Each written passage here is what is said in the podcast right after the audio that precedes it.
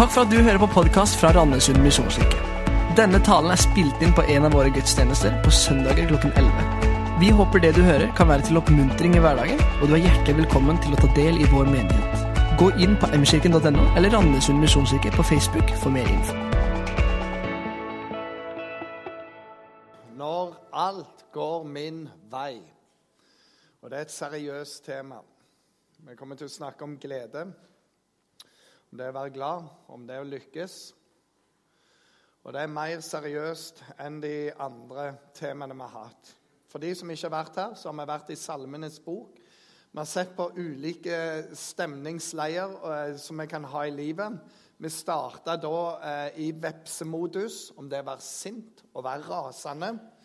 Vi gikk videre til misunnelse, det å begjære alt det de andre har, som jeg ikke har. Og så ble vi tatt på fersken med buksa nede på området vi framfor alt ønsker å holde skjult for alle andre mennesker. Det er store tema, men dagens er det mest alvorlige glede. Og Vi snakker ikke om hvilken som helst glede, vi snakker om glede uten forbehold. Vi snakker om at du bare er glad uten noe filter. Vi snakker om at alt går din vei. Og er det mulig? Og vi må jo stille dette kritiske spørsmålet. Er det mulig å være kristen og glad samtidig? Og om det er mulig, er det egentlig bra? Vi må stille spørsmålene. Veldig tidlig i Bibelen kan vi lese noe som kan få oss til å undre på dette.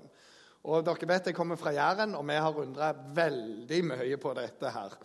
Saken er at du har en mann og en dame, Abraham, Sara. De er pensjonert for så lenge siden at de kan ikke huske når de ble pensjonert. Og så kom en engel til dem. Og vi leser dette her. De sa da til ham Altså det er englene som sier til Abraham. Hvor er Sara, din kone? Abraham svarte, der inne i teltet.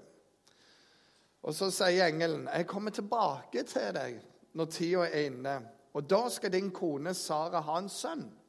Sara hørte dette i teltåpningen, som var like bak han. Abraham og Sara var gamle langt oppe i årene, og Sara hadde det ikke lenger på kvinners vis. Nydelig tekstfrasering her. Og Sara lo med seg sjøl og sier, 'Skulle jeg føle lyst utslitt som jeg er, og Herren min er også gammel.' Da sa Herren til Abraham, 'Hvorfor ler Sara og sier:" 'Skulle jeg virkelig få barn, gammel som jeg er?' 'Er det noe som er umulig for Herren?' 'Jeg kommer tilbake når tiden er inne. Da skal Sara ha en sønn.' Sara nekter. Jeg lo ikke, for hun var redd, men engelen svarte, 'Jo, du lo'. Og På Jæren så vet vi og gleder oss over Abraham. Abraham hadde mange sønner, og dette gikk veldig bra. Men den setningen som brenner seg fast, det er denne Jo, du lo. Derfor må vi ikke le for mye i Guds hus. Derfor må vi være litt alvorlige. Og dette temaet er veldig alvorlig. Kan vi egentlig glede oss så mye når engelen sier 'du lo'? Jeg sier, Nei, jeg lo ikke. Så vi skal ta litt fatt på dette her i dag. Og bare for å slå det fast Gud er en gledens gud. Det var en som hadde litt problemer med å si dette. sa Gud er en vredens gud. Gledens gud. En annen starta talen med dette. herrene, Vær alltid, gale, vær alltid glade. Og ei tredje venninne av meg fra Lyngdal sa la ingen forakte deg fordi du er ond. Og Der skulle hun sagt ung. Det er en liten forskjell der. Men Gud er gledens gud. Sefanya 3,17 sier det. Gud gleder seg over oss. Han går i, rundt, eh, i spinn rundt sin egen akse og jubler og gleder seg over oss. Og Bibelen er full av historier der du ser Guds rike, eller Guds glede, komme til uttrykk på en helt enorm måte. Gud gleder seg over det. Gud gleder seg over de. Dette berørte Guds hjerte. Dette gjorde at Gud ga sine løfter. Gleden er veldig tydelig i Bibelen. I kirkekunsten så kan du eh, se bilder fra de første århundrene før dette ble statsreligion gjort av keiser eh, Konstantin. Så ser du bare glad Jesus med glade folk rundt seg. Jesus var kjent som gledens person. Og hele kunsten og alt tok dette inn. Og alle de som var rundt Jesus, var utrolig glede, glade. Og så gjør eh, altså dette med at det ble gjort en statsreligion, noe med det. Og vi får mer enn denne Jesus med den månegreia bak seg. Og hele universet står bak hodet. Han er mer melakonsk. Men det var ikke sånn de første kristne kjente Jesus. De kjente han som en glad fyr med glade folk rundt seg. Folk ble helbredet. Folk fant mot igjen. Han talte de svakes sak. Og han sto alltid opp, og det var fullt av kraft det var fullt av godhet. Jesus kunne tale, kunne tale veldig strengt, og likevel så ble folk glade av det. For han talte sant, og han fant veien til frihet for mennesket. Det er noen som har sagt det sånn livet er ikke bare en lek. Det er òg en dans på roser. Og så er det noe med dette at vi trenger av og til å oppleve denne sida med glede og takknemlighet. Vi sier gjerne det. Det å være sur, det er et valg. Men er det da et valg å være glad? Eller er det bare noe jeg aldri har fått? For der er vi jo litt forskjellige. Hvis det er et valg å være sur, å være grinete, å være bitter, så er det vel et valg på den andre siden òg. Og hvordan vil jeg egentlig være? Vil jeg være en gledesdreper eller en gledesspreder? Du vet, Det er fint vær i dag, men så kommer jo den der personen som aldri klarer å dy seg. Meld trøggen i morgen, vet du. Det er bare sånn, Hvem av de er du i den historien der? NRK har fått masse klagebrev over eh, programmet Oppfinneren. Fordi han er jo altfor glad. Jeg var bibelskolelærer for han. Han er alltid glad. Gud har bare gitt han det genet der. Vær alltid glad. OK, jeg tar den. Og så er han sånn. Og folk irriterer seg grønne over hvordan de framstiller han. Det er liksom, Hva feiler det dere med å skrive klagebrev over folk som har det bra, og som bare er glade? Det står dette i Bibelen. Glede gir god helse. Glede i hjertet gir god helse. Mismot tærer på kroppen. Så få tak i gleden.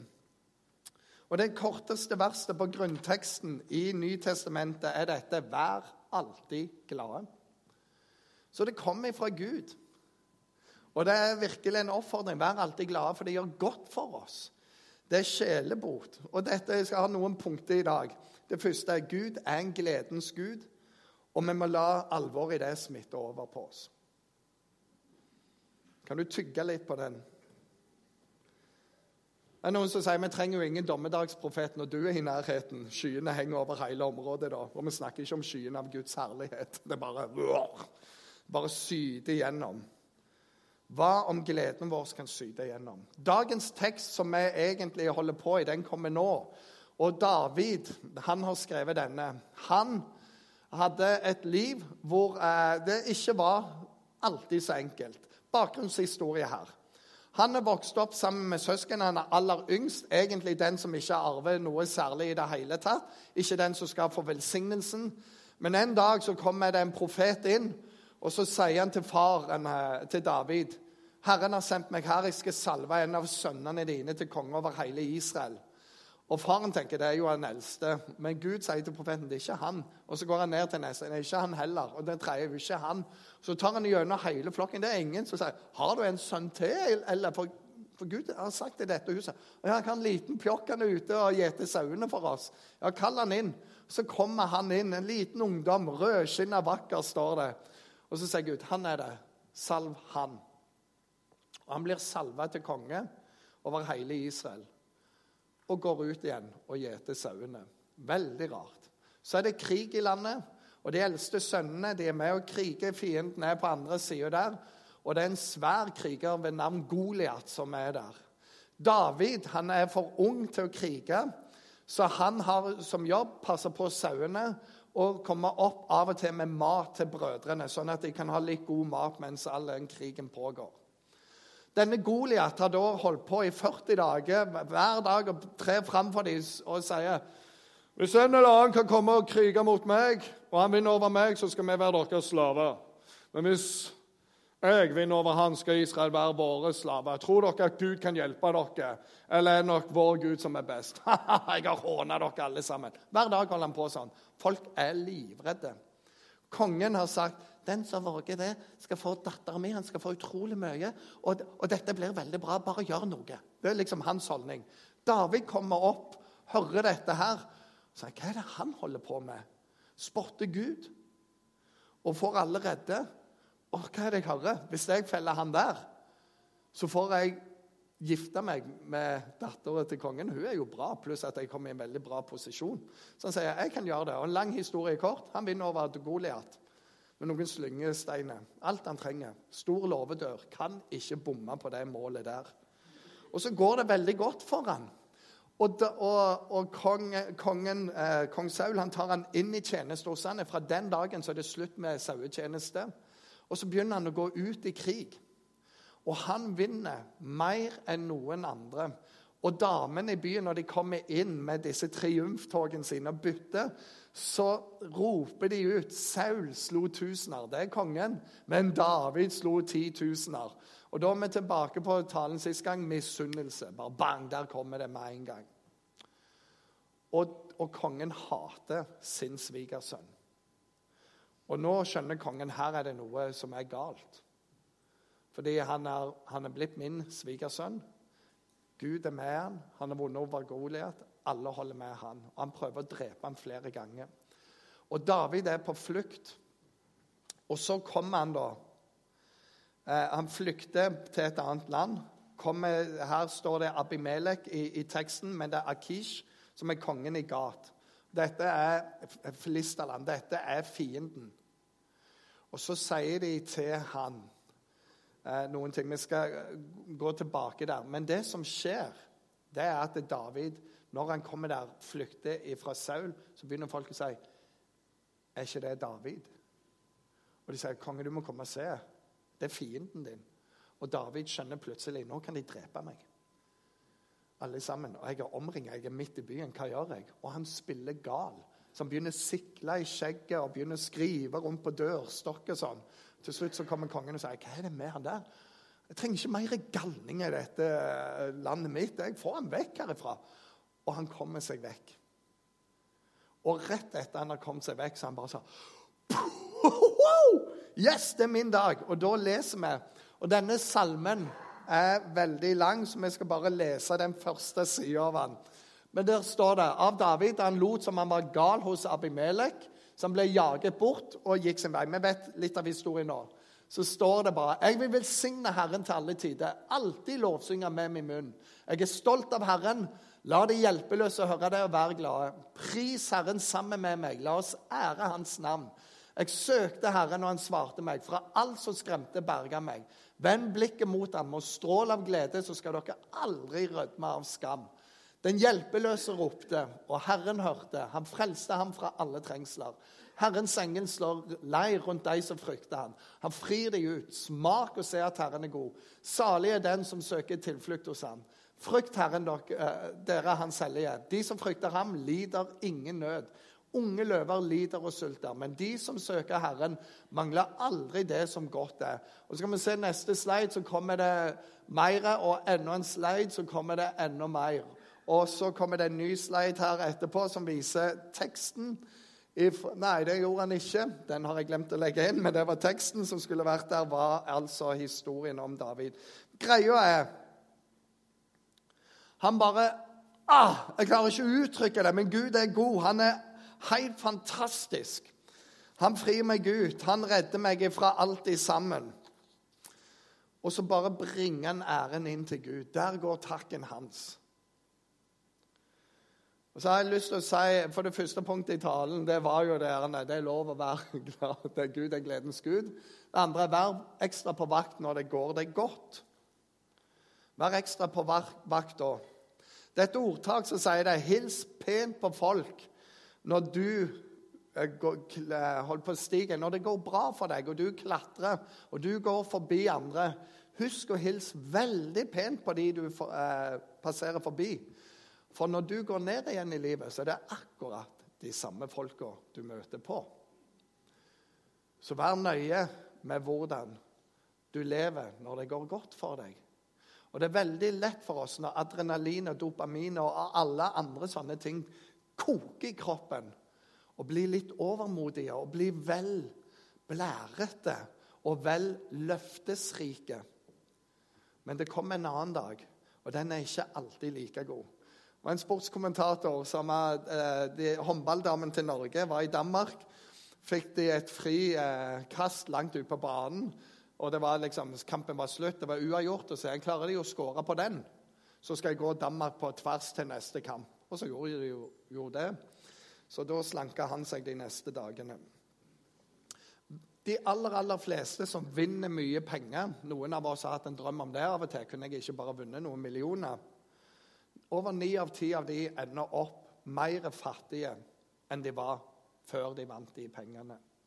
Det er utrolig vanskelig å mestre penger som kommer raskt til deg. Lettvunnen rikdom minker raskt, står det i Bibelen. Og erfaringen, det gjør han. Spørsmålet er hvordan du må leve før. Fordi det bare akselererer når du har fått det. Josef hadde en drøm, og den var enorm. Alle skulle tilbe han. Alle skulle bøye seg for det. Han, og han deler det med brødrene sine. Så alle dere, Jeg er minst, jeg vet det, men jeg hadde en drøm om at jeg var den største. Og De blir så glade for å høre denne drømmen at de kaster den i en brønn. Og når noen kommer reisende forbi, så selger de han som en slave. Vær forsiktig i din glede. Vit hva du gjør. Jefta det var en av dommerne i Israel. Han eh, opplevde noen ting. Det var krig. Og så sier han eh, til Gud et idiotisk ting.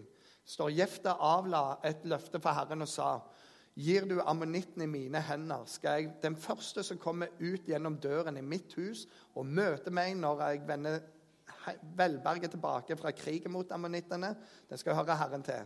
Jeg skal bære ham fram som et brennoffer. Hvilket idiotisk løfte er det å gi?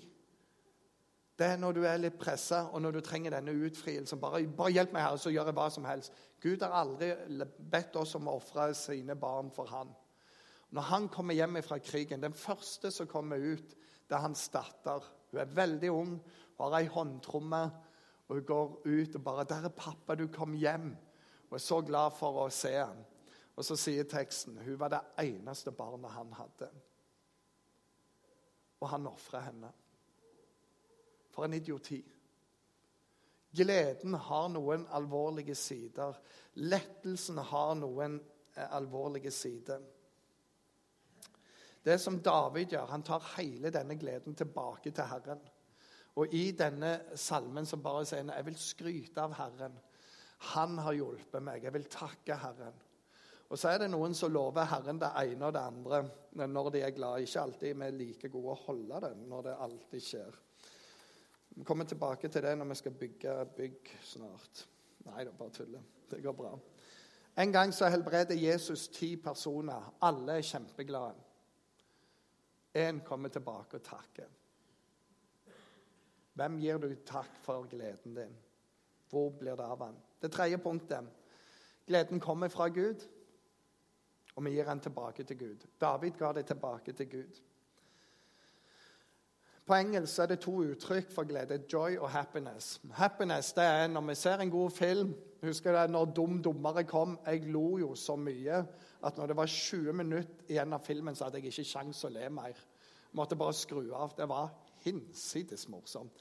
For det var litt sånn banebrytende humor på den tida. Det var bare når det var var så dumt som de kunne, så ble det bare enda dummere. Og så kom det en ny vinkling som var enda mer sprø og dum. Happiness. Der og da. Det er veldig morsomt. Men det går over med en gang. Joy. Det, da snakker du mer om det som bare ligger der. Det ligger noe dypt inni deg og som er vanskelig å ta ifra deg. Det er en grunnstrøm i livet ditt. Å glede seg i Herren er min styrke sier noe. Det, det, er en sang som også sier det. 'Somebody told me that in sorrow I could be glad'. Noen fortalte meg det var midt i sorgen så kan jeg være glad. Og så avslutter jeg verset med 'Jeg trodde ikke det kunne hende med meg', eller ja, inntil det faktisk hendte med meg. Jeg erfarte det sjøl. At midt i sorg, midt i tap, så er det denne kimen av håp, av forventning. Og når vi får ta, tar avskjed med våre kjære, så sier vi på gjensyn. Og så er det noe med, med sorgen over å miste, men gleden over å kunne få se igjen. Vi møtes i himmelen. Midt oppi alle ting. Den fjerde tingen som jeg tror er en av de hovedtingene for noen i dag, det er å lære, lær å glede deg over andres lykke. Det står dette 'Gled dere med de glade'. Det er i Romerbrevet. Og La meg stille spørsmålet. Hvis noen kommer til deg og bare Hei sann, vet du hva? Har du da en der tendens til å jekke dem ned? Eller bare glede? Eller stille speilet riktig inn? Ja, det er jo ikke helt sånn. Wow, jeg er nyfrelst. Ja, men det går over, det, ser du. Wow! Skal vi se i vår menighet nå så, så, har vi bare Ja, men du skjønner det, i vår menighet der har vi planlagt noe. Fille har bygd et sinnssykt bra bygg. Hvordan kjenner du det på kroppen? Hillsong de har bedt til over 60 stykk med frelse dette året. Hvordan kjennes det? Kan vi si 'yes'? Ja, jeg kjenner vi bare til nesten 70 med frelse, kanskje 10. Flekkerøy kirke de skal bygge. De bygger ikke på et fjell, men de bygger i et fjell. Enda bedre her. Staten finansierer det hele. Det er veldig kjekt. Hvordan er det med oss? Når vi må ut med 30-40 millioner, kan vi kjenne noe på det? Frikstad bedehus bygger ut skikkelig, har en barnehage der. Pastoren i Ytre Randesund misjonskirke han får lov å begynne å jobbe nasjonalt. Hvordan kjennes det som pastor lokalt? Det er så lett å bli misunnelig. Jeg har noen gode venner i Imi-kirken, og de sier til meg og Gjelling, du er nesten den eneste som jeg kan snakke om alt det gode som skjer. Og, og du gleder deg bare. De fleste får vi høre 'jammen' og et eller annet. Hvorfor klarer vi ikke å glede oss over de andre? Når det går godt for en annen bedrift enn din egen, hva da? Når noen har arva penger, og ikke du. Når noen skal på den ferien, men ikke du. Når andre har fått seg en ny bil. Husker rett før jeg ble gift, så, måtte, så, fant jeg ut noe. Det var nå må jeg bruke penger på det som er viktig for meg, før jeg er gift. For når jeg er gift, så er det delingsøkonomi. Så jeg, jeg har vært gift i mange år når jeg har fått høre det. Tro meg. Men da kjøpte jeg nytt TV, stereoanlegg, skikkelige høyttalere. Alt i sammen. La flatt en god del penger der. Det var viktig å ha med seg inn i forholdet. Jeg søker forbønn fortsatt. og i min glede da, så hadde jeg kjøpt noen sånn sinnssykt bra høyttalere. Så forteller jeg jo det til en kompis. Og han, ja, første han sier liksom, når jeg er der Wow, sjekk dette anlegget! Skal jeg skru på det sånn bass og pumpe sånn og går ut bak? og Må stille den en halv meter fra veggen for å optimalisere dette. Jeg er jo der. Så kommer han. Ja, jeg leste i Hifi-bladet i dag. Det er kommet noen nye høyttalere. De koster All glede var ute av det rommet på ti sekunder. Og det var bare så Han måtte bare. Hvor er du? Klarer du bare glede deg over andre? Jeg hadde en annen kompis. Så wow, dette er jo kult! Kom igjen, la oss spille. Vi må. Jeg tar med et par CD-er, så da får vi sjekke ut alt. Han satt der og sa Å, hør hvordan dette pumper. Og så gleder han seg bare med meg. Han trengte ikke å si at Hifi-klubben hadde noen enda bedre. Var der. Og La meg stille spørsmålet, for her er greia. Er du på en sånn måte at når det går bra for folk, så vet de at de må fortelle det til deg? For da blir de ekstra glade. Eller er du en sånn som de prøver å unngå? Bare hviske litt sånn, fordi du bare tar den gleden. Største gleden kan ha, det er å ta sin andre glede vekk. Eller hva det å gjøre de andre glad. Å glede seg over andre endrer ikke din verdi. Å glede seg over andre ødelegger en ting i livet ditt. Det ødelegger noe. Egoismen, sjalusien, misunnelsen. Vær klar over det. Når du gleder deg over andre, så er det mindre misunnelse i livet ditt. Det må du bære. Det er mindre sjalusi, det får du tåle og du blir fridd fra noe av egoismen din. Men jeg håper du er villig til å ta det offeret der. Og rett og slett bare bestemme deg for samme hva andre kommer med, som de har kjøpt, har fått, har opplevd, har vunnet, har klart. Så sier jeg Wow, så bra! Dette må vi feire. For det du kan få, det er at deres glede kan bli din. Og det at du kan glede deg med dem, gjør at deres glede øker. Du trenger ikke alltid å si at det kommer en dag i morgen. Det finner vi ut av. Da kan du ha en annen holdning, og den er ikke sånn Ja, det visste jeg. jeg sa, Nei, la oss finne tilbake til gleden igjen. Lær deg å glede deg over andres lykke. Det siste punktet det er 'gleden i Herren er min styrke'. Det står det skrevet. Å glede seg i Herren er min styrke, ja. Og det er en øvelse på himmelen. I himmelen er det så mye glede at en del av oss jærbuer får sjokk. For vi lever med 'jo, du lo'. Og så er det bare, Himmelen beskrives så god at de, de, må bare fortelle alt som ikke er der. Det er ikke sykdom, det er ikke død, det er ingenting sånn og sånn. sånn. Det er bare wow. Så må vi øve oss her. Det er det David gjør i denne salmen.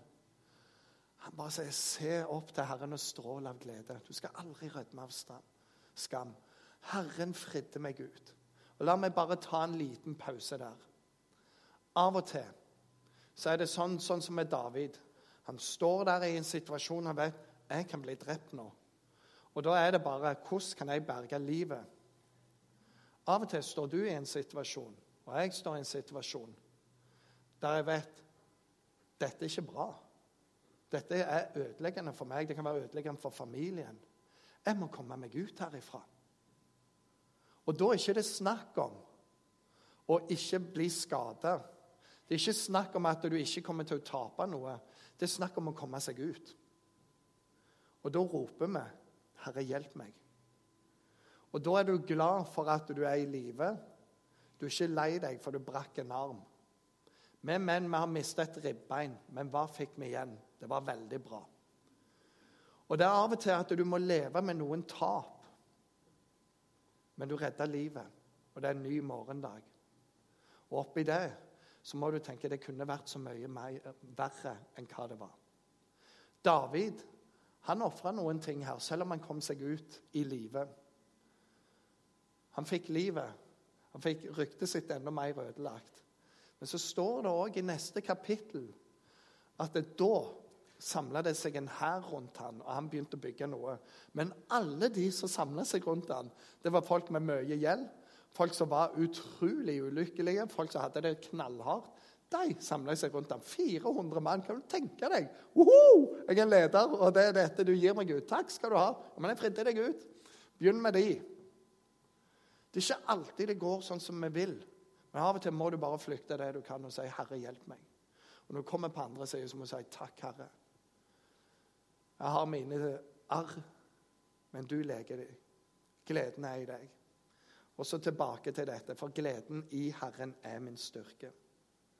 Det som er fantastisk når vi er hos Gud, det er samme hva du har gjort, så er det tilgivelse få.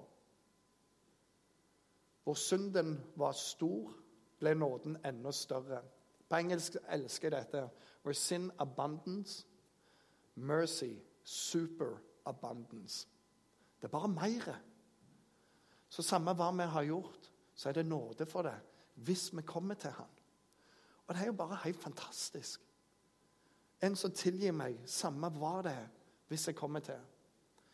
Det er kraft å leve på for hver eneste dag. I gode og i onde dager. I vanskelige. I sykdom i helse. Det er kraft å leve på hver eneste dag. Line Sandel som har skrevet mange salmer. Hun var syk hele livet. Hun skriver de vakreste salmer. Bre dine brede vinger over meg, o Jesus. For det er kraft å finne hver dag hos Jesus. I en verden som rokker så mye, som forandrer så mye, som er så vanskelig å orientere seg i, så er det noe som er urokkelig. Og det er Jesus. Klippen holder. Jeg Har en eh, pastorkollega i USA som forteller etter 11. september. Og det er en stor menighet. Og folk skalv som bare det. Så sier hovedpersonen du får gå og snakke til menigheten her. For han var vekke en plass. Og det kom et par tusen. Og folk hadde det veldig tøft. Hvordan skal vi tenke? Så går han på podiet, og så sier han Gud har fortsatt kontroll. Og så bare begynte folk å grine. Fordi han har kontroll, selv om ikke vi har det. Det er noe av denne gleden. Og så har vi menigheten, fellesskapet. Samme hva vi opplever av familie, så har vi en familie her. Og det er noe som er helt fantastisk. Når du plugger inn, og spesielt når du kommer deg inn i ei smågruppe der du deler liv, du ber i sammen, du leser i sammen Fins ingenting som er likt det. Kommer deg i tjeneste, for gleden i det å tjene andre. Det er en hel tale, bare det. Gleden i å få lov å gjøre noe. Og til slutt så har vi himmelen i vente. Slutten på livet er ikke slutten på deg. Du er skapt for noe større, du er skapt for noe bedre. Og der er det en som står og tar imot og sier 'velkommen hjem'. Og så er det noen som vil hilse på oss og gikk der før oss. Jeg skal avslutte med dette. Jesus han eh, er sitert på utrolig mange ting. Og midt inni en del av dette så forteller han tre historier. Han forteller om en sønn som roter bort livet, roter bort arven. Han er en av de 90% Når de får mye penger, så bare forsvinner det ut. Og så ender han opp verre enn der han begynte. Fattig, utslitt. Og eneste han tenker på, er må komme meg hjem til far min, som jeg egentlig har sagt er død for meg, som jeg har sagt jeg hater, som jeg har sagt jeg ikke vil ha noe med å gjøre. Og så tenker han jeg vil komme som en slave til min far, for alle har det godt hos min far. Og denne faren er et bilde på Gud. Og så står det langt vekke fra, så ser faren sønnen sin. Og han gjør alt som er uverdig. Han løper mot han, det skal du ikke gjøre. Tar imot han, gir han nye klær og sier 'du er min sønn'. Han løfter verdigheten opp.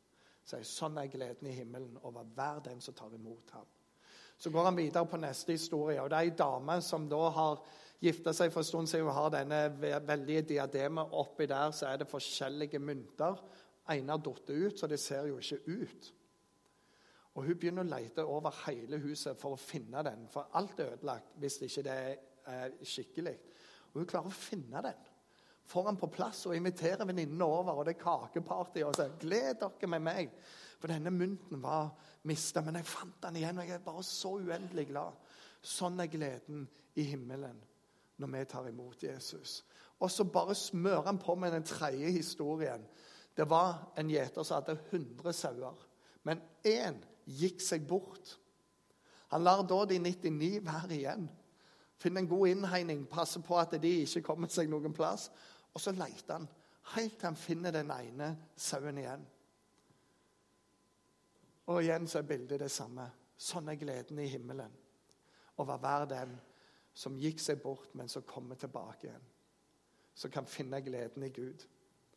Og det må være litt av en fest i himmelen.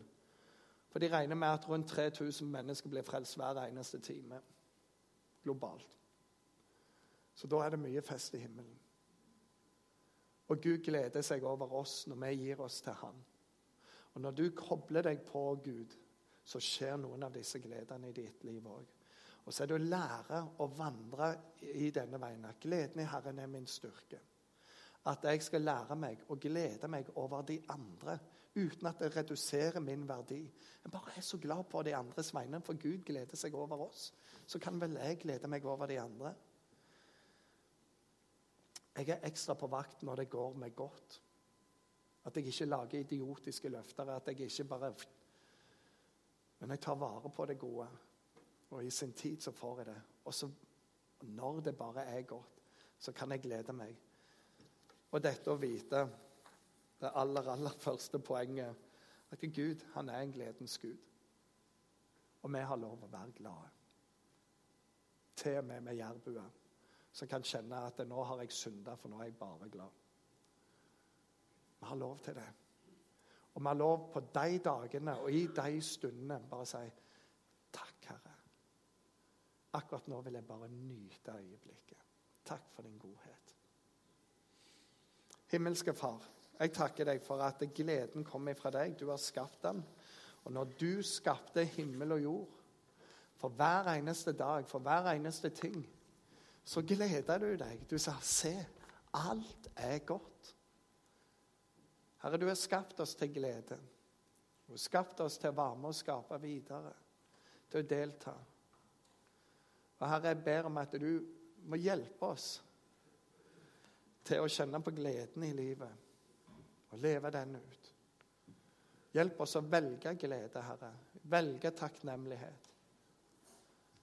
Herre, når vi har den dagen, Herre, hjelp oss å ikke komme med tåpelige løfter. Hjelp oss å fri oss ut fra situasjoner vi må stå i, Herre. Og hjelp oss da ikke se hva vi taper, men hva vi faktisk berger. Og se din godhet. Takker deg for sånn som for David. Han kom seg vekk fra en dødssituasjon. Kom der med livet i behold. Og han gir takken til deg, Herre. Og så lever han for deg videre. Og så gir du han den underligste hæren vi har sett. En gjeng med folk som har det kjipt på alle måter. Det gir du han i hans glede.